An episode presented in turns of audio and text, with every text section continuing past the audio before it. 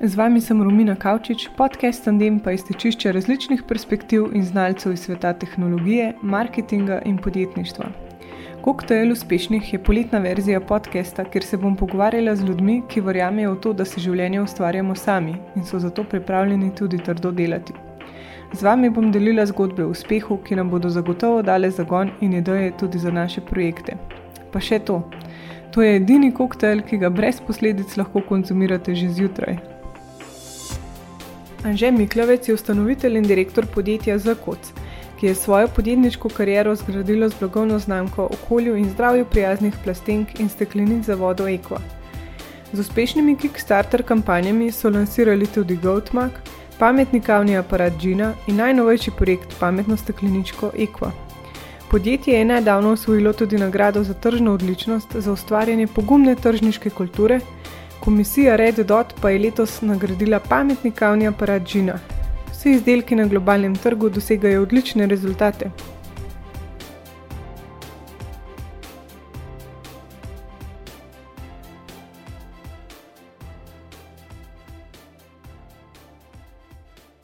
Živijo že, zelo me veseli, da si si vzel čas za podcast Tandem. Pa začneva kar z vprašanji in sicer mogoče najbolj, da poveš, kje se je sploh tvoja poslovna pot začela. Verjeten Ekva ni bila tvoj prvi projekt. A, zdravo, Romina, žuja. Ja, res je, Ekva ni bil moj prvi projekt. Že zelo, zelo zgodaj sem začel v bistvu z razmišljanjem podjetniškim razmišljanjem. Mogoče že, že v osnovni šoli sem razne stvari preprodajal, od kakšnih pirotehničnih stvari do da, do izdelovanja raznih vrač, pa vsega tega. Tako da, po mojem, sem imel tega že uh, nekako v, v krvi, da imam mogoče podjetniškega razmišljanja. Potem se je nadaljevalo vse skupaj z organizacijo raznih zabav v uh, gimnaziji in potem tudi na faksu, s tem tudi prav, prav prve podjetniške stvari sprobavati, kasneje prodajanje raznih majic, stopil potem mačkan bolj svet agencije, v agencijski posel z Outbox agencijo in z razno videoprodukcijo. Uh, in potem je v bistvu skozi, uh, pri meni je značilno to, da skozi pivotiram, pivotiram iz enega v bistvu projekta, razvijam nov projekt. Uh, in na začetku sem se lotil prehranskih dopolnil z blagovno znamko Ushake, to je bil pač prvi poskus lastne blagovne znamke, delovne na lastne blagovne znamke. Uh, tam sem mogel v bistvu zelo veliko časa in energije v bistvu vložiti v shaker. In nekako se je tako kot obstranska blagovna znamka, rodila nova blagovna znamka, to pa je blagovna znamka Equa, uh, ki se je kasneje izkazala, da ima veliko več potencijala, kot pa proteinski uh, dodatki. Mogoče tudi mene to, to mačkam bolj zanimalo, ker je bila v bistvu ta zgodba ekologije in zdravja in z tega pač potem naprej razvijala. Uh, mogoče bo tem, kako je prišla. Aha, že takrat je bila ideja, da je ekva uh, flash. Ja, ja. In, ampak potem je pač iz ekve, smo pa tudi, sem pa razmišljal, kako normalno nove produkte treba dodajati, vedno je treba nekaj novega razvijati. In sem rekel, tudi normalno, treba je narediti tudi nekako malo drugačno šalico za kavo, kot v bistvu Coffee Mag. In skozi v bistvu razmišljanje, skozi dizajn je prišla v bistvu oblika, dosti drugačna oblika. In sem vedel, da pač to ne more spadati pod isto blagovno znamko, pod ekva blagovno znamko, ampak zaradi tega sem se takrat odločil tudi, da naredim novo blagovno znamko. Sam izdelek je zelo hiter, mislim, doživel dosti dober odziv na trgu in tudi nekako s to viralno kampanjo GoatMaga uh, je tudi se rodila pač potem še nova blagovna znamka GoatStory. Uh, z GoatStoryjem imamo pa v bistvu zelo en tak, uh, že prej sem imel zelo pešen do kave, ker se je še stopnjeval ta pešen, zdaj sem bil sugrato, ker je zaljubljen v kavo in tudi nadaljujemo uh, z novimi, novimi uh, devajsi za pripravo kave, naslednji izdelek je bil Gina. Uh, tako da se obe blagovne znamke, tako Equa, kot Gold Story, razvijata, pa obeh blagovnih znamkah skozi inoviramo, tako kot tudi zdaj pri zadnjem izdelku, pri Equa blagovni znamki, pri stekleničkah, da se pametna steklenička, ki smo se zelo potrudili, da smo uh, user experience, uporabno vrednost uh, naredili res na, se mi zdi, zelo visokem nivoju, gledali zelo skozi čez uporabnika, ne samo to, da je pametna steklenička, ampak da je uh, kako je bo uporabnik uh, uporabljal, da je čim bolj uh, ta user experience čim boljš narejen. Uh mhm. -huh. Pa si za podjetništvo učil na poti ali si kaj študiral v zvezi s tem? Jaz sem drugačen uh, iz ekonomije, uh, izhajam iz Crnikol. Uh, moram reči, da nisem dokončal, nisem diplome do konca napisal. Uh, ampak drugače, ja, moj, moje področje je ekonomija, študiral sem ekonomijo. Uh, mislim, da sem še vedno zelo vesel, da sem študiral ekonomijo, zelo vesel sem, uh, kar nekaj izkušen, sam nekako se mi da dokončati. Mhm. Ja, praksa je še vse najboljša izkušnja. ja, ja, ja. Um, za me pa zanima, v bistvu, vi ste zdaj že trikrat bili na Kickstarterju, pa uspešno ste fandali vse projekte. Pa me zanima, kaj je drugače danes, oziroma če je recept za uspešnost še vedno enak, verjetno se spremenja, glede na to, da je zasičenost veliko večja na Kickstarterju. Ja, zasičenost je vedno uh, in tudi vedno bo. Sej tudi uh, nikoli stvari, ki jih delaš, uh, vedno se borimo za pač normalno, za potrošnika, za pozornost medijev in tako naprej. Uh, vedno je treba nove ideje iskati, uh, kot mogoče platforma Kickstarter, vsekakor močkam bolj uh, zasičena, kot je bila, čeprav še vedno zelo veliko uh, potencijala ustaja. Mislim, ogromno potencijala ustaja, tudi kot sama platforma se mogoče uh, na začetku je bila zelo močna v Ameriki, pa predvsem v Ameriki, zdaj se pa tudi širi. Uh, zelo po ostalih trgih, če zdaj močnejši, tudi v azijskih trgih, tako da uh, vedno ostajajo priložnosti, tako da jim priložnosti je še vedno ogromno, no, tudi s to platformo. Uhum. Pa je vam to v bistvu, mislim, Kickstarter uporabljate za neko validacijo, zato da pa lažje launčate naprej projekt? Ali... Na, v začetku ta prva kampanja je vsekakor bila zelo na ta način uh, narejena. Druga in tretja kampanja, ki je bilo treba tudi za samo vložek, že pred, tega, ker je šlo to z elektronko in to je šlo v bistvu že ogromno vložka, tudi prej, tako da a, pred samo kampanjo, že veliko rodi smo naredili pred samo kampanjo, tako da smo bili kar a, z drugim dvema kampanjama, ker so bili odločeni, da skoraj v vsakem primeru gremo stvar delati. Še vedno pa normalno spremljaš odziv, če bi odziv slab, a, lahko stvari spremenjaš. Tega komunitija na Kickstarterju je tudi značilno to, da zelo radi komentirajo, zelo radi se engagejo, dajo svoje mnenje in ti tudi povejo, kaj bi želeli imeti. Od barvne kombinacije do tehnologije, ki jo uporabljaš te stvari, in tudi lahko na začetku v tej fazi še malo popraviš izdelek. Tako da tudi mi smo to vsakič naredili, poslušali uh, customerje, ki se sploh na Kickstarterju začilno, ker ne gre za navadno trgovino, da ljudje skoraj zahtevajo, da so zraven uh, v prvem oblikovanju, v prvem ustvarjanju. Tako da vedno poslušamo te nasvete ljudi. No. Uhum. Kako se pa sploh pripravite za kampanjo? Verjetno je treba pač raziskati trg, pa pol video posnet. Mislim, je dosta že tega marketinškega vložka. Ja, ja dosta je marketinškega vložka, ampak vedno je treba, se mi zdi, da pri vseh teh stvareh je bolj pomemben, kot pa sama kvaliteta produkcije, uh, so bolj pomembne ideje. In tudi ljudje na uh, Kickstarteru predvsem cenijo ideje. Se tudi danes je, se mi zdi, produkcija sploh video materijalov in materijalov, kot slikovnih, se zelo pocenila, zaradi tega, ker sej, danes ti lahko video posnameš s telefonom, ti noben ne bo zameril, zameril ti, ti bojo, če ne boš dal dobre ideje. Da, uh, in tudi slike ti lahko danes narediš že s poprečnim fotoaparatom oziroma s telefonom, zelo dobre, bolje v bistvu, kako boš ti vse skupaj več temelji na ideji. No. Da, uh, in če boš ti res dal dobro idejo, pač s predstavitvijo z izdelkom, uh, ne rabiš v bistvu sploh imeti.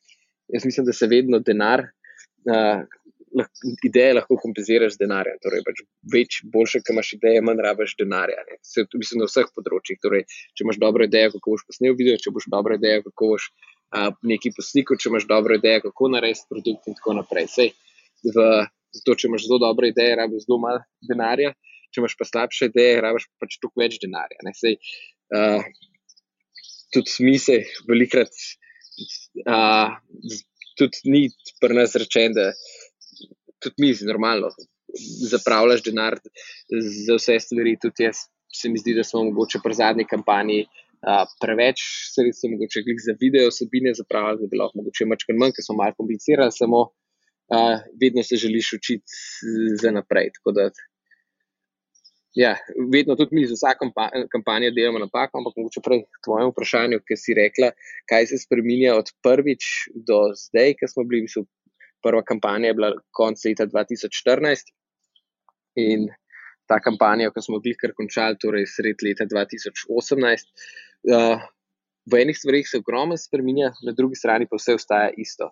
Marketing v samem pomenu ostaja popolnoma isti, uh, samo potem, čez katere kanale komunikacije potekajo, se po zadnjih petih letih zelo, zelo veliko spremenja. Se vemo, da kako je Instagram pet let nazaj praktično ni bilo, Facebook se je še dobro razvil, pa takrat mogoče pet let nazaj po Facebooku šlo lažje si mogoče eno viralnost dosegel, danes moraš veliko več plačevati. Jaz bi rekel, da tudi nam se je izkazalo, pa tudi ostale kampanje, da gledam, da je mogoče PR včasih bolj delo. Danes uh, spet ljudje zelo težko širamo stvari. Uh, če nismo zelo malo stvari, mogoče še pet let nazaj, sem videl, da smo ljudje bolj dovzetni za to, da bomo nekaj širili. Danes je manj tega uh, težje ljudi prepričati, da bojo v bistvu tvojo kampanjo širili, da, bo, da bo šla kampanja viralno, oziroma moš res nekaj zelo, zelo, zelo posebnega narediti. Uh, ja. In uh mhm. -huh. več in več je pa tudi tako, da je veliko ugotavljanje, da tudi moraš narediti tak izdelek, da, da ti je v bistvu že samo oglaševanje, da torej na zapravljen evro dobiš vsaj 2-3 uh, evre povratka pri oglaševanju. Tako da z velika se dela, da nekateri se brez tega zaenkrat niso posluževali, da zelo veliko testirajo izdelek za oglase, že predno ga naredijo. Torej, predno narediš kampanjo, predno sploh narediš izdelek. Potestiraš z oglaševanjem na internetu, torej z oglaševanjem na Facebooku, na Instagramu, na Googlu, kakorkoli, in vidiš, kakšen conversion rate imaš. In če imaš ta conversion rate, saj spodoben, rečeš, da okay, grem v razvoj tega izdelka. Um, Ker pri nas razmišljamo malo drugače, pri samem razvoju, ki vedno izhajamo iz sebe, ne delamo raziskav in tako naprej. Ampak uh, je tudi več različnih poti, imaš, kako se se lotiš same raziskave, razvoja novih izdelkov. Mhm. Ampak vseeno ste mogli, recimo, prej si omenil, pač, da ste prišli na idejo za kavo. Um, v bistvu vse je to prišlo pol iz tega lončka, Goatmark, In ste rekli, okay, je logično, da naredimo še nekaj pametnega za kavoljubce. Uh, ja, to je točno tako, da God Story blagovna znamka je itek v samem pomenu. Govori zgodba, kako je bila sama kava na, nastala, kako so, kako so koze pogruntele kave, v bistvu te bajke. In je zelo močna zgodba blagovn, in tudi blagovna znamka, ki jo imajo ljudje v bistvu zelo radi, sicer zelo nišna blagovna znamka. Uh, in smo vedeli, da lahko te blagovne znamke dodamo uh, tudi device za pripravo kave. Sploh zaradi tega, ker je to tudi nekako nam v timu kava ratala, zelo je tak zelo velik pešen, zelo je veliko strast imamo od tega, zelo veliko smo raziskovali v kavi. In smo naredili ta prvi avtomat za kavo, tako pameten, večfunkcionalen, zelo nišen device, uh, Gino s katerim lahko narediš v bistvu teh brut tehnike, tri brut tehnike z enim devicem, in zraven smo integrirali še tudi pamet z pametno tehniko, ki lahko upravljaš s telefonom. In smo dobili zelo, zelo, zelo dober odziv na trgu. Gre za zelo nišen device za tiste ljudi, ki imajo radi brut tehnike in radi pripravljajo te speciality kave na zelo visokem nivoju. Vsekakor se pa tukaj nismo ustavili po razvoju in gremo v bistvu tudi še ostale tehnike priprave. Uh, sam sem ljubitelj tako brut tehnik, kot je espresa in imamo zelo željo narediti, pripravljamo nekaj na področju do tega, torej, da bi svoj pogled na espreso uh, z svojo varianto espreso makerja tudi uh, mi ponudili trg. Tako da smo zelo blizu, ampak nikoli ne veš, koliko časa bo pa trajalo, da, da zares prideš na trg. No, ko me čakam. Um, za me pa zanima, v bistvu imate pač pod eno streho, kot si omenil, tri produkte. Pa me zanima, zdaj vsi zaposleni delajo pač za vse tri produkte, ali imate nekako ločene ekipe, da pač delajo ločeno? Uh, jaz bi mogoče malo te popravil tukaj, pa bi rekel, da ne gre za tri produkte. Produktov imamo jih full velik, ampak gre za dve blagovne znamke. Ekva blagovna znamka ima kar nekaj uh, stekleničk za vodo, mi se s tem ukvarjamo že, že 8-9 let, smo kar nekaj časa že prisotni na trgu, zelo, uh, zelo dober. Mi samo dodajemo te kategorije, te blagovne znamke, ker blagovna znamka Ekva se trudimo v bistvu zelo podarjamo ekologijo, zdravje in to so v bistvu naše zelo vrednote in pač tudi uporabnike skušamo zelo enim takim kvalitetnim kontentom s tako vsebino prepričati, da, da ostajajo zvesti blagovni znamki in tudi dodajemo izdelke v tej kategoriji. Torej, zelo veliko raznih stekleničk, imamo zelo velik, da imamo podarek na dizajn, uh, funkcionalnost in zdaj smo tudi dodali pametno stekleničko. Torej, druga blagovna znamka je pa Gold Story, ki ima pa praktično zdaj dva izdelka, Gold, Mark pa Gino. Ampak na tvoje vprašanje, če se vrnem, ja, v bistvu mi imamo uh, nas je v timu nekje okoli 25 in vsi v timu praktično delamo za obe blagovni znamki, sicer potem je po vodih projektov razdeljeno, da nekdo dela več za blagovno znamko Eko, nekdo drug za več za Gold Story, ampak smo pa vsi pod isto streho, uh, open space prostor, zelo veliko komunikacije med eno in, uh, in prenašanje v bistvu prakse med eno blagovno znamko do, do druge blagovne znamke. Čeprav vsi uh, blagovne znamke nimate iste ciljne skupine, ampak v bistvu to ciljna skupina je v bistvu precej ločena. Uh, Kdo so stranke in kdo so kupci, v bistvu, pri blagovni znamki Equa, pa, pa Gold Story so dosti ločene, ampak uh, prakse, komunikacije, razvoja novih izdelkov, uh, marketing in tako naprej, pa zelo uh, prenašamo in pravimo si za ene blagovne znamke naučiti, da tudi za druga blagovna znamka. Hm. Pa imate kakšne zaprte skupine, polka testirate, recimo za eko, sklepam, da so pač tu ženske, ki se zavedajo, da je zelo pomembna hidracija, oziroma se, so, pač se rade ukvarjajo s športom, zdravo živijo. Za god, mak pa moški. Uh, ja, oziroma tudi za žensko. Ja, ni nič tako strogo ločen, kot si rekla, ampak vsekakor je več ženske populacije, pr ekva in mogoče več moške populacije, pr Goldstoryju. Uh, mi drugače, načeloma, nismo najboljši v testiranju, zaradi tega, ker smo do zdaj zelo, zelo malo testirali in tega mogoče se moramo mogoče še več učiti. Pri celotnem razvoju v bistvu bolj hočemo nas voditi, bolj to, da hočemo delati stvari, ki bodo nam zares dobre. Uh, in če bodo nam zares dobre, jih bomo mi hoteli uporabljati, uh, jih tudi, bomo tudi najdel uh, na trgu. Velikrat je tako, da dokler izdelka ne razviješ čisto do konca, ne, uh, celotne uporabniške izkušnje uh, ne daš, je zelo težko ljudi vprašati, kaj oni zares hočejo. To je mm. tako, kot mogoče ta Steve Jobs. Uh, miselnost, ker tudi, uh, če bi ljudi vprašal, uh, bi zihar ne prišel do tega, uh, do, do končnega rezultata. Zato, ker ljudje ne vejo, kaj hočejo imeti. Zato, ker če ti narediš nekaj drugega, nekaj drugačnega, uh, nimajo sploh razmišljanja, da bi lahko to uporabljali. Tako da, če hočeš z velike presežke, mogoče sploh ne smeš vprašati ljudi. Je pa vse en danes tehnologija, pa omogoča, da lahko v bistvu zelo uh, veliko lažje narediš raziskavo, ki si jo kadarkoli naredil. Zaradi tega, ker pač neki ev, par evrov zapraviš za, za advertising in vprašaš ljudi, že to. Že pred samim štartom lahko vprašaš, da je ta barvna kombinacija boljša ali druga barvna kombinacija boljša. Zaradi tega, ker narediš že v pri-kampanju, ki je mogoče skrit širši javnosti, ampak targetiraš samo en manjši audience in se potem na ta način uh, odločaš, potestiraš, uh, kakšno odločitev boš naredil. Ampak in general, ki se pa delamo razvoj od začetka, pa, pa ne delamo prav veliko raziskav, ampak zaupamo svojim instinktom. Mhm.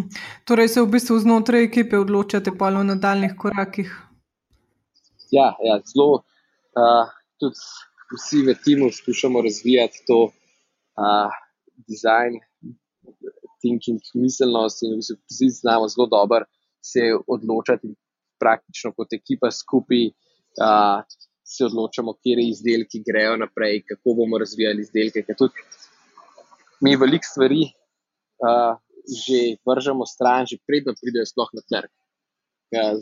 V samem razvoju začneš nekaj razvijati in vidiš, da stvar nima potencijala, mogoče že cenovno predraga za narediti, glede na dodano vrednost in že v samem procesu razvoja mrzkašno stvar potem uh, ukinemo, kar pač normalno, to so zelo veliki stroški, ker če ti zelo veliko vložiš v eno stvar, mogoče eno leto razvoja dveh, treh ljudi in potem ukineš projekt, je vedno zelo težko. Pač, ka, ampak je treba to narediti. Če vidiš, da pač izdelek ne gre v ta pravo smer, razvoj ne gre v ta pravo smer, ga ustavimo, se z tega nekaj naučimo in gremo naprej z naslednjim uh, izdelkom, storitvijo, ki jo pač razvijamo. Uhum. Pa kdaj outsourcate ljudi ali imate vse pač ključne kadre znotraj firme?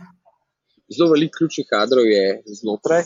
Uh, se odločamo tudi za normalno za outsourcing, zaradi tega, ker je tudi, uh, predvsem nam je v interesu sodelovati z raznimi freelancerji, z raznimi, ki delujejo na pol kot svetovalci za podjetje.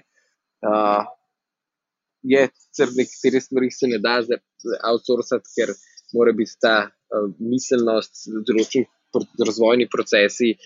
Je toliko veliko ur porabljenih, toliko veliko razmišljanja, da je težko z unanimi sodelovati, ampak vsekakor tudi sodelujemo. Tako da skozi in tudi uh, nekaj, v bistvu tudi sam proces, ki ga imamo danes, se či zavedamo, da ga je treba skozi spremenjati, da mogoče bomo čez eno leto delali čist drugače, kot delamo danes. Skozi v bistvu nikoli se nočemo postaviti v ene tirence.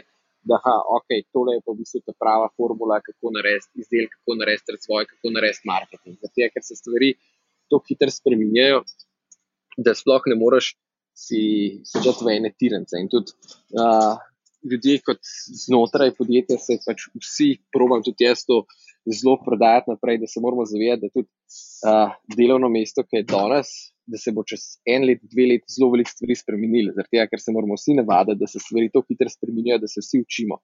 In tudi mi zelo veliko krajše jemljemo ljudi, ki nič ne znajo.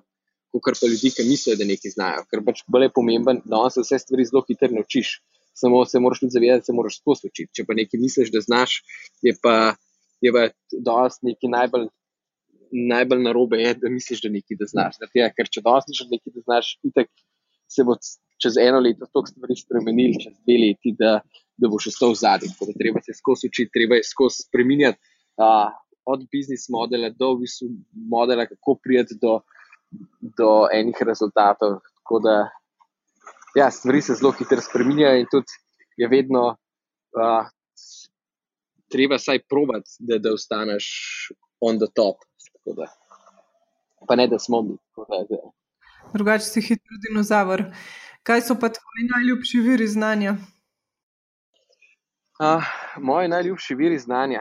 Uh, vsekakor, kakšne knjige, prebiranje v bistvu tudi uh, trendov na področju tehnologije.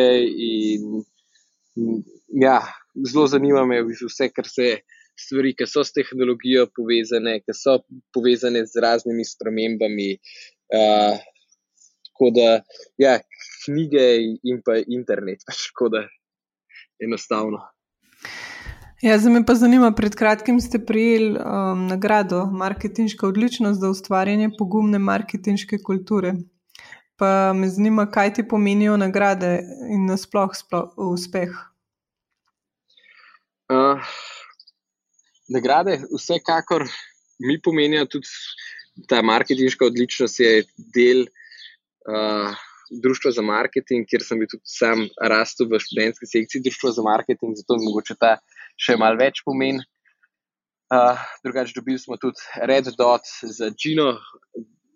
Ta nagrada mi je tudi kar nekaj pomenila. Drugače pa meni največja nagrada je tudi to, da vidiš zadovoljne uporabnike, da vidiš dobre komentarje na izdelek, ki si ga naredil. Uh, da, zato mi pa mogoče še, še največ pomeni. Tega, ker tudi tako, mm, vedno predno nekaj lanciraš, vedno predno nekaj narediš, imaš tisoč enih pomislekov, a smo naredili to res dobro, da bi mogli to še boljš narediti. In tako naprej. In ko vidiš v bistvu zadovoljne uporabnike, res.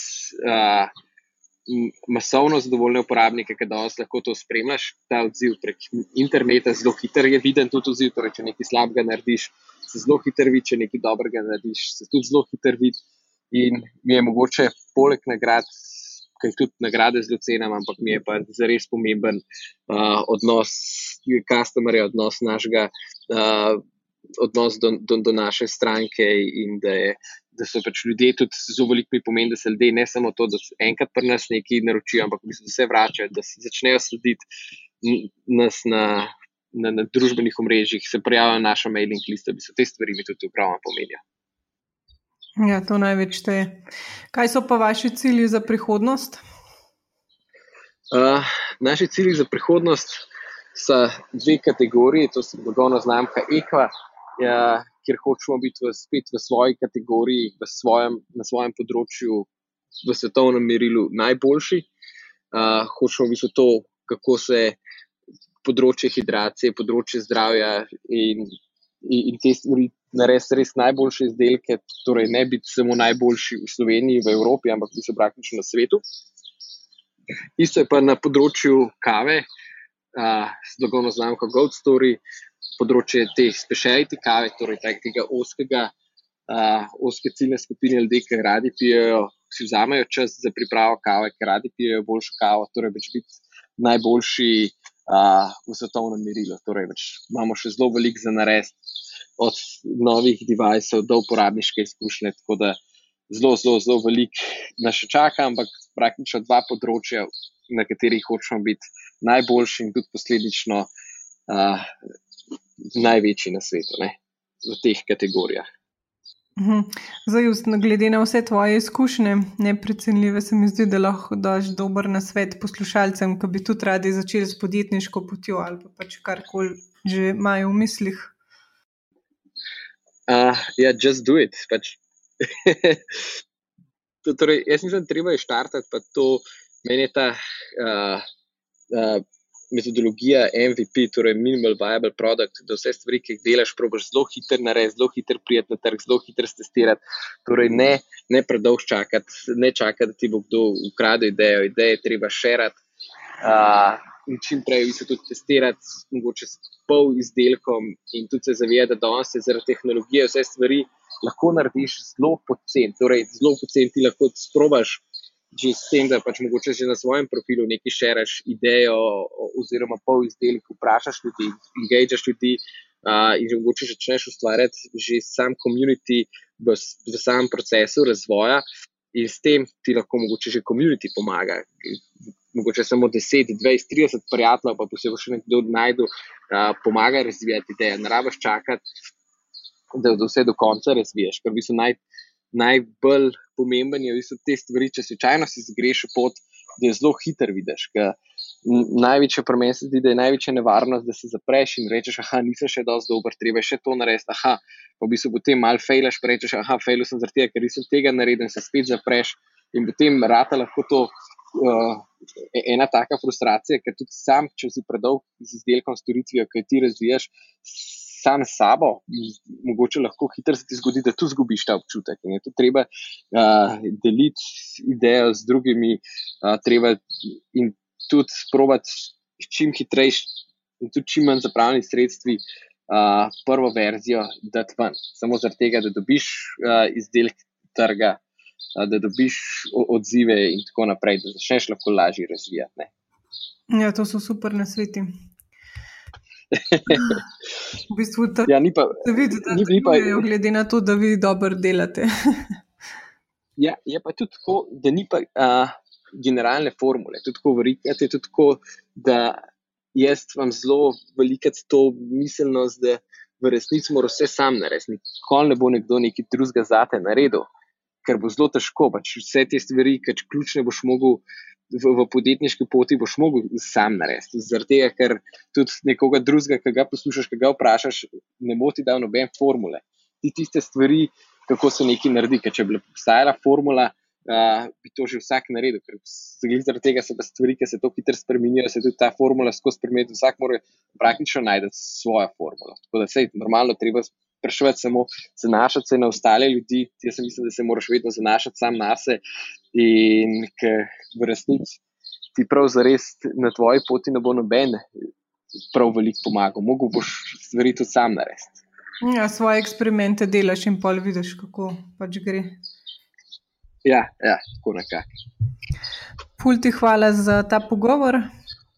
Um, uh, hvala tebi za povabilo.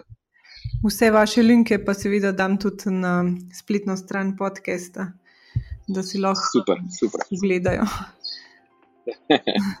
Lepo se jim okay, upam, da, up, upam, da sem kaj pametnega povedal, da, uh, in da je bilo za poslušalce zanimivo. Ja, več stvari, tako da sem prepričana, da bo zanimiv. ok, the best. Redu, hvala ti. Hvala, čau, čau. Za konec naj povem še to, da je podcast Tandem neprofiten in samostojen. Če ga želiš podpreti, bom zelo hvaležna, če poveš še prijateljem ali postiš komentar na iTunesu ali Facebooku, da se znanje lahko hitreje širi. Najlepša hvala. Do naslednjič, hvala za poslušanje in se slišimo k malu.